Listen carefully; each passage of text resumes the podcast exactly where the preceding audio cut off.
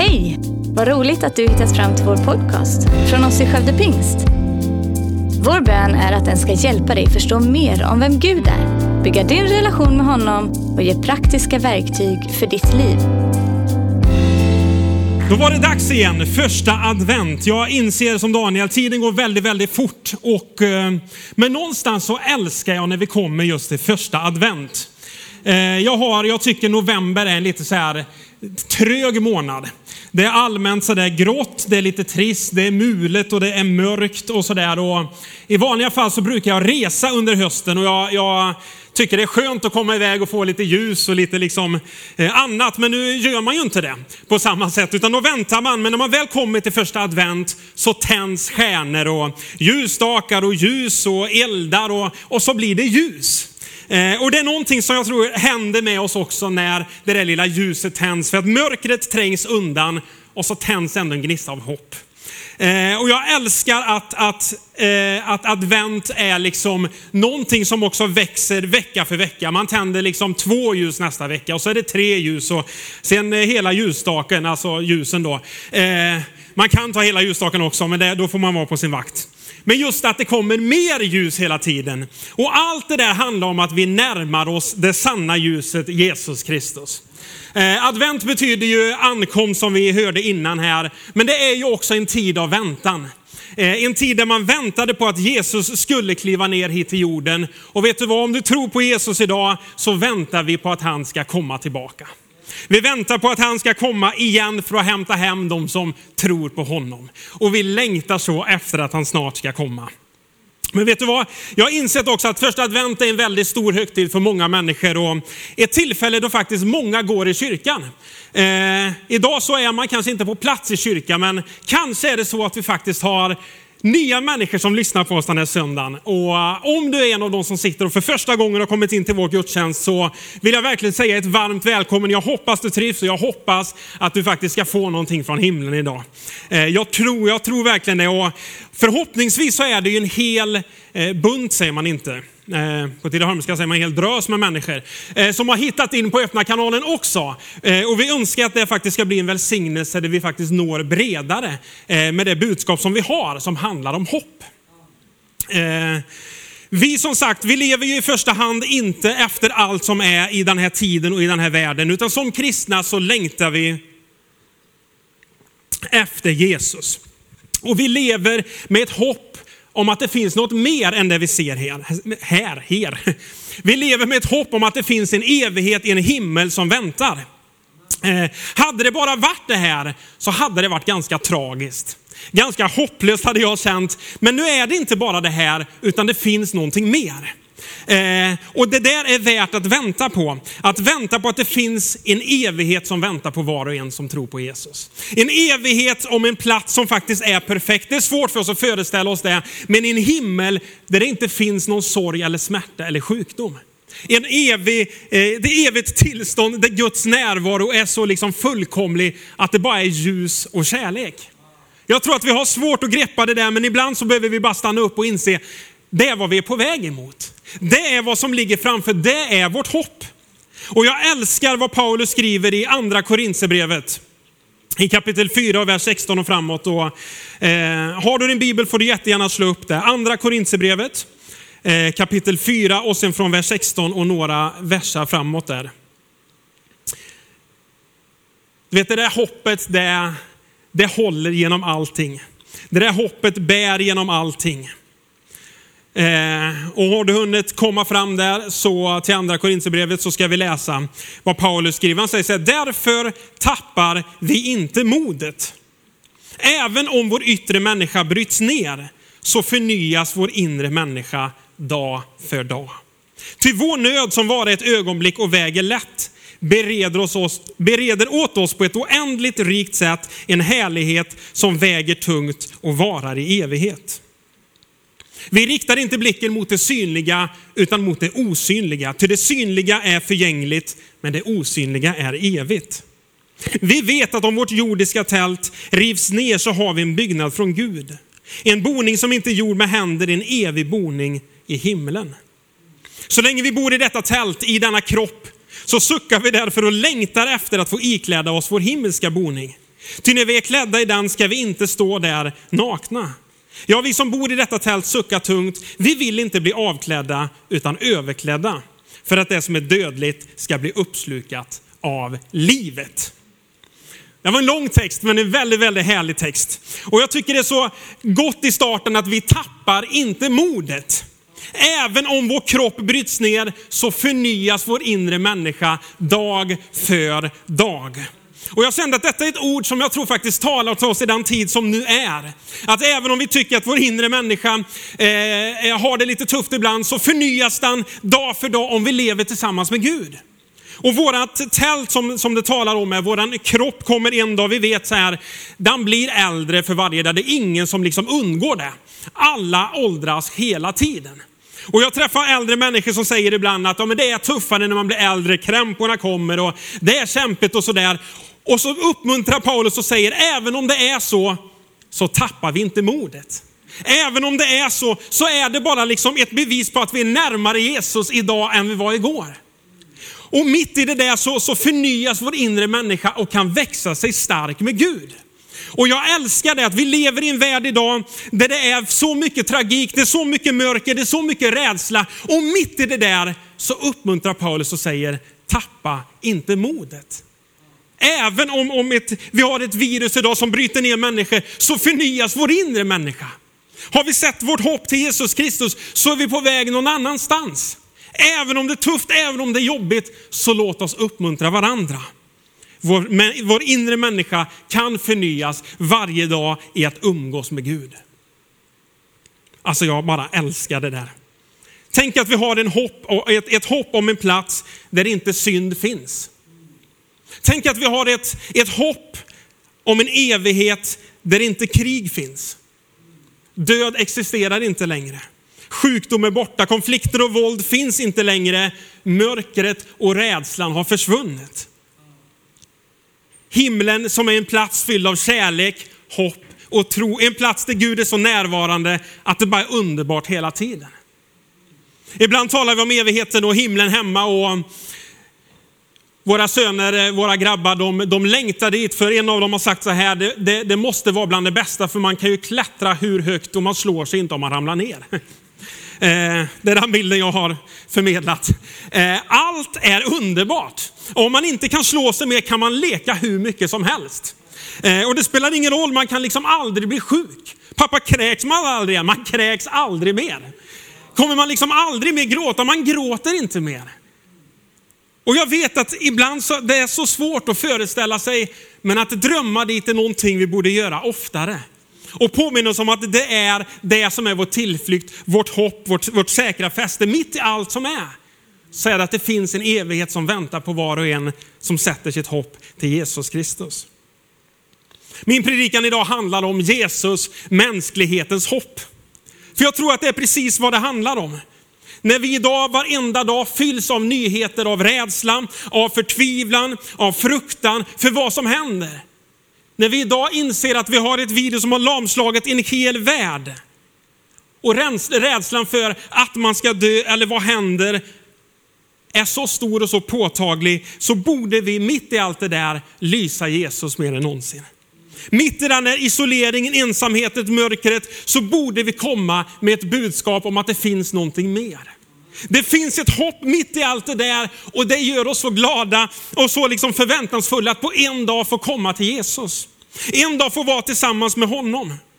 Och jag önskar den här söndagen att jag skulle få tända en gnista av hopp in i ditt liv.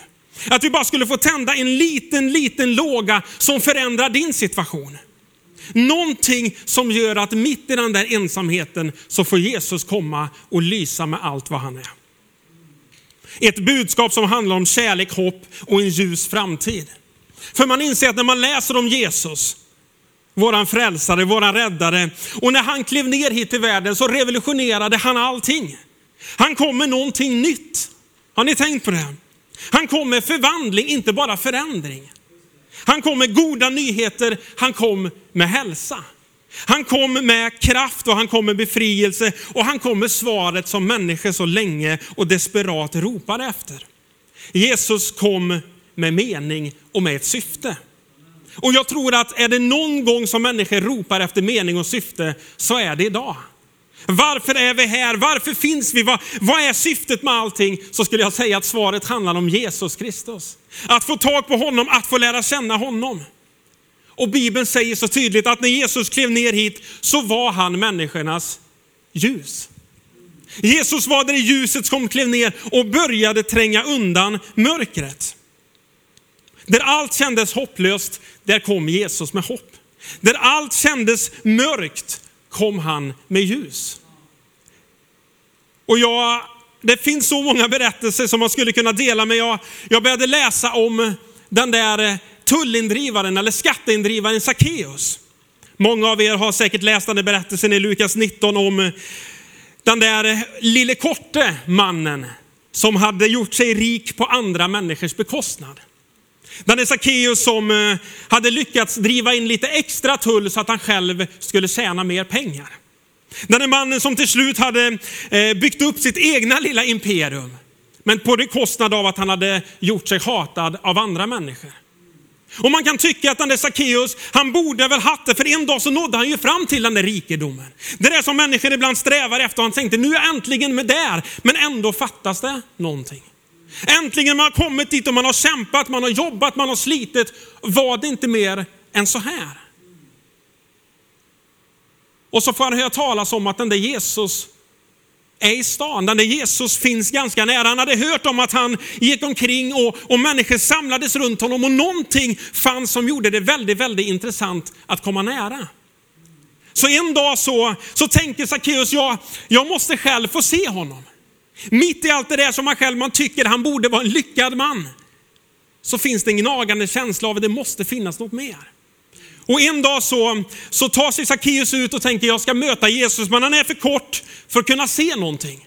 Så mitt bland alla folk så, så kan han ändå inte se Jesus. Alla är i vägen och han ser ingenting.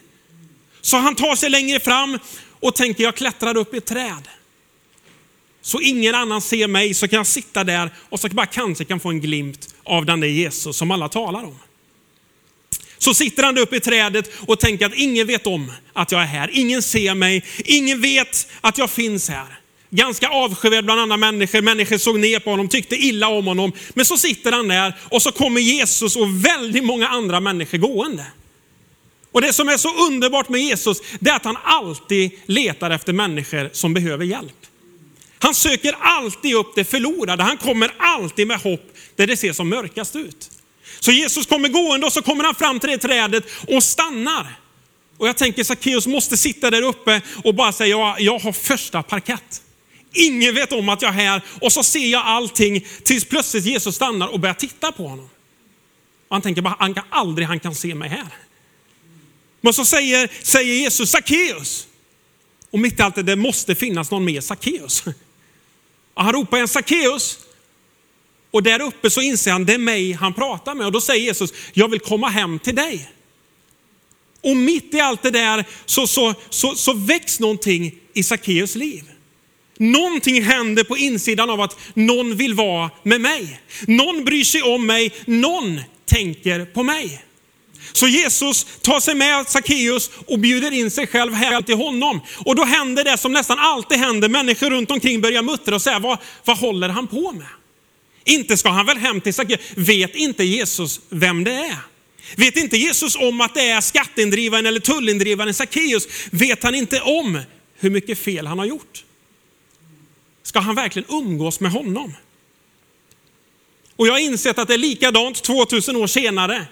Att när vi som kristna börjar besöka andra människor så finns det alltid de som är snabba och ska döma. Ska de vara med dem? Ska de möta de människorna? Inte, vet de inte vem det är, men vet du vad? Vi är alltid kallade att komma med hopp. In i de tuffaste situationerna så kommer vi med hopp. Och i första hand är inte vi ute efter att skapa ett behag hos andra människor. Vi är kallade att ta Jesu uppdrag och budskap ut till alla människor. Oavsett situation, oavsett hur, hur människor har det, så ska vi dit. Och det som driver oss är en kärlek till att fler människor måste få uppleva det vi själva har mött. I mötet med Jesus förvandlas allting.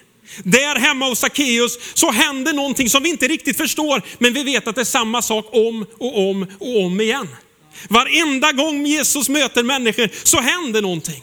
Sackeus hat eller själviskhet eller egoism byts plötsligt ut mot en generositet, mot en kärlek. Någonting hände på insidan. Sackeus mötte Jesus. Och det där livsförvandlande mötet gjorde att han plötsligt ville göra gott för andra människor. Sackeus kommer ut från mötet med Jesus och vill hjälpa andra, vill tro på andra, vill plötsligt räcka ut en hand till dem som ingen annan trodde på. Vet du vad, Jesus är likadan idag. Han kommer alltid med ljus in där mörkret är. Och vet du vad, kanske sitter det någon som lyssnar på den här gudstjänsten idag och känner, vet du vad, jag är som Sackeus. Jag har lyckats i livet, jag har tjänat ihop pengar, men ändå känns det tomt. Vet du vad, jag tror att Jesus har en hälsning idag, han säger jag vill komma hem till dig. Där du sitter och lyssnar på den här gudstjänsten den här söndagen så vill jag flytta in i ditt vardagsrum. In i ditt kontor eller vart du än sitter och lyssnar så vill jag möta med dig. Jag vill komma med hopp in i din situation. Jag vill komma med liv. Och det kommer finnas människor som säger, men det gäller inte dig. Du har gjort för mycket fel, eller du har ställt till det för mycket, eller du har liksom gjort det här och det här. Men vet du vad? Jesus bryr sig inte om det där. Han säger, idag vill jag besöka dig. Idag vill jag komma hem till dig. Och mitt jobb som pastor är alltid att leda människor till Jesus. Det är inte jag som ska göra jobbet, jag ska hjälpa dig att upptäcka vem Jesus är. Och idag så tror jag att det är ett stort läge för många människor att upptäcka vem Jesus är. Idag tror jag det är en söndag när människor ska få säga ja till honom. Idag tror jag är rätt dag för dig att upptäcka livets mening. Jesus Kristus. Jesus svarade vid ett tillfälle när han gick in till några andra och människor började beskylla honom och säga, du ska inte vara med dem. Så säger han så här, det är inte de friska som behöver läkare, utan de sjuka. Jag har inte kommit för att kalla rättfärdiga till omvändelse, utan syndare. Jesus sa så tydligt till människor att jag har inte kommit till de som är friska, jag har kommit till de som är sjuka. Till de som faktiskt behöver hjälp. Det finns en annan berättelse i Johannes 8 där eh, en kvinna har begått äktenskapsbrott och de skriftlärda tar henne på bar gärning, står det, och släpar henne fram till Jesus. Och det är en så speciell historia, hela den där berättelsen, hur de liksom tar den där kvinnan och, och, och tar henne fram till Jesus. Hon har liksom haft ihop det med en annan man. Alla vet om det. Och offentligt så släpar de henne fram till Jesus och alla andra och pekar ut henne. Och ibland så måste man bara stanna upp och försöka sätta sig in i hur det måste ha känts för den här kvinnan. Du vet så fylld av skam, så fylld av förtvivlan, så full, fylld av liksom nakenhet. Så, så är man där alla tittar. Helt förnedrad, helt trasig, så är hon där. Och så står dessa människor som fortfarande finns idag. Som säger Jesus, visst ska hon dömas. Visst så ska hon, hon har ju gjort fel. För de människorna finns där. Som själva tycker man är tillräckligt bra, men vet du vad? Det finns ingen som är tillräckligt bra. Alla har vi gjort fel, alla har vi ställt till det, alla har vi snubblat och ramlat. Men så står de där och, vi ska se, de står med stenar. Kanske var sådana här stenar. Någon var rädd att jag ska släppa den, så jag ska inte göra det. Eh, men de står där med stora stenar för vad som egentligen var rätt och riktigt var att den här kvinnan som hade begått äktenskapsbrott skulle stenas. Är du med? Man plockade fram stora stenar och skulle kasta på henne då, tills hon inte längre levde. Så det står de här skriftlärda och är ganska självrättfärdiga och nöjda och säger, visst Jesus ska hon dömas. Och du vet, jag bara älskar Jesus. Han sitter där bredvid kvinnan och, och säger så här, ja, den som, den som är utan synd, den som inte har gjort något fel, det är den som kan börja kasta den första stenen. Så står de där vet du och kvinnan är darrande där, hon är liksom rädd, hon är förtvivlad och hon väntar på när ska första stenen komma? Och så hör hon plötsligt en duns. Är ni med? Och den första stenen åker ner i backen. Men ingenting händer och så går en man därifrån. Och så tar det en liten stund så åker nästa sten ner. Och så går nästa man därifrån. Och sen en efter en och Tiden går, jag kan tänka mig att kvinnan sitter där förtvivlad, blundar, bara väntar på att någonting ska hända. Och så när det har gått ganska lång tid så, så säger Jesus och tittar upp på henne och säger, kvinna finns det, är det ingen kvar? Är det ingen som har dömt dig? Hon säger, nej herre, det är ingen. Och då säger Jesus, inte heller jag dömer dig. Gå och synda inte mer.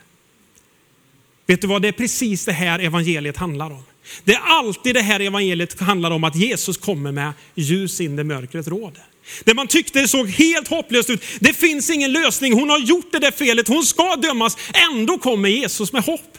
Det det såg helt omöjligt ut. Det går inte att vända den här situationen. Så vänder Jesus det i alla fall. Och vi kan tycka att det ser så enkelt ut, men människorna insåg, vi är likadana. Alla är vi likadana, alla har vi syndat. Alla har vi trasslat till det, alla har vi misslyckats.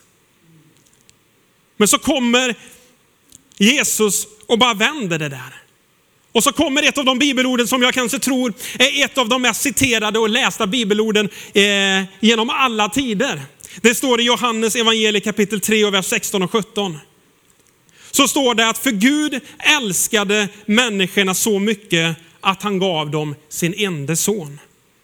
För att de som tror på honom inte ska gå under utan ha evigt liv.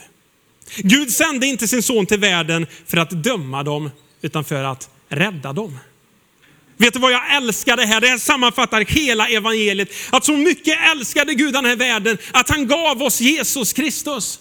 Så mycket att han lät sin egen son dö på ett kors. Så mycket att han gav oss allting. Och så väntar människan sig, ja men det bara handlar om dom det där med kristendom i alla fall. Det bara handlar om rätt och fel hela tiden. Och så säger han, inte sände Gud Jesus för att döma världen, utan för att rädda världen. Vet du, var och en som tror på Jesus Kristus blir räddad, står det. Var och en som sätter sitt hopp till honom kommer inte att gå förlorad, utan få ett evigt liv. Jag tror att det är det här advent handlar om. Att ljuset kommer in i världen, ljuset tänds på nytt, en gnista av hopp tänds in i våra liv. Vi behöver påminna oss om att Jesus lever fortfarande.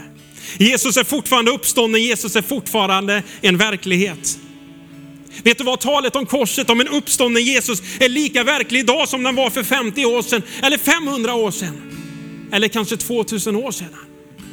Vet du vad, budskapet har inte förändrats. Vår församling har förändrats i en massa olika saker, men evangeliet förändras aldrig. Det är fortfarande samma evangelium. Om du sätter din tro på Jesus så kommer du bli räddad. Och jag skulle önska att den här första advent skulle få lysa in med hopp in i ditt liv. Att när du sitter och lyssnar idag så tror jag att Jesus vill komma in i ditt liv. Jesus vill tala till dig, han vill lyfta av dina bördor. Kanske man kan identifiera sig med någon av de här berättelserna och säga, ja, jag har kämpat men jag orkar inte längre. Vet du vad, det är då Jesus kommer. Det är först när vi har kämpat det vi kan och då vi inser det går inte längre, jag ger upp. Det är först då Jesus kommer. Det är så många människor som kämpar i egen kraft, som försöker hela vägen fram, men du kommer aldrig fram. Hur mycket vi än kämpar i egen kraft kommer vi aldrig lyckas. Det är först när vi ger upp som vi kommer lyckas. Det är först när vi låter Jesus ta över som det faktiskt händer någonting. Jag tror vi behöver påminna oss om att när den där Jesus, som är Messias, som är Kristus, när han blev uppspikad på det korset så, så står det att han hängde där med all synd. Det står att han hängde där med alla felsteg, med alla misstag, med allt som vi hade ställt till. Och jag brukar ibland tänka att det är det som jag har tänkt fel. Det där som jag har gjort fel. De där sakerna som jag, som jag ångrar så mycket. Vet du vad? Det hängde på Jesu kors. Det hängde på Jesu egna liv när han var där korsfäst. Men det stannar inte där. När Jesus dog så dog han tillsammans med det. Och vet du vad? Tre dagar senare så uppstår Jesus utan synden. Utan sjukdomen, utan döden, utan förbannelsen. Han uppstår för att ge liv till var och en som tror på honom. Det budskapet är en verklighet idag. Och vet du vad? Det handlar om en evighet. Och det är så angeläget för oss att vi som kyrka vill göra allt vi kan för att nå fler människor. Vi tycker det är så viktigt att vi är beredda att ge upp allting för att en till ska få höra. Vet du vad? Vi är beredda att ställa om en mängd, massa grejer. Varför? För att en till skulle få möta budskapet om Jesus. Och jag tror att Jesus den här söndag förmiddagen kommer flytta in i ditt vardagsrum och det är upp till dig om du vill säga jag vill ta emot honom. Jag vill tro på honom så behöver du öppna ditt hjärta och säga Jesus, jag vill lära känna dig. Och vet du vad, det krävs inte mer än så. Det är inte svårare än så, det är inte mer avancerat än så. Du måste inte göra massa grejer, det enda du kan säga är Jesus, jag behöver dig. Jesus, jag är desperat mitt i den här världen när allt snurrar. När det är så mycket rädsla, så mycket frukt, jag vet inte vad som händer. Vet du vad, det finns ett hopp som bär genom allt. Det hoppet är en människa, han heter Jesus. Tack för att du lyssnat. Dela gärna podden med dina vänner och glöm inte att prenumerera så du inte missar nästa predikan. Om du har några frågor eller vill att vi ska be eller tacka för något tillsammans med dig så får du gärna höra av dig till kyrkan För oss är veckans höjdpunkt söndagens gudstjänst och det vore så kul att träffa dig där. Våra team finns då redo att ta emot dig och det finns även egna samlingar för barnen. Du hittar mer information om oss, vilka vi är och våra olika mötesplatser på skövdepingst.se. Gud välsigne dig och ha en fortsatt bra vecka.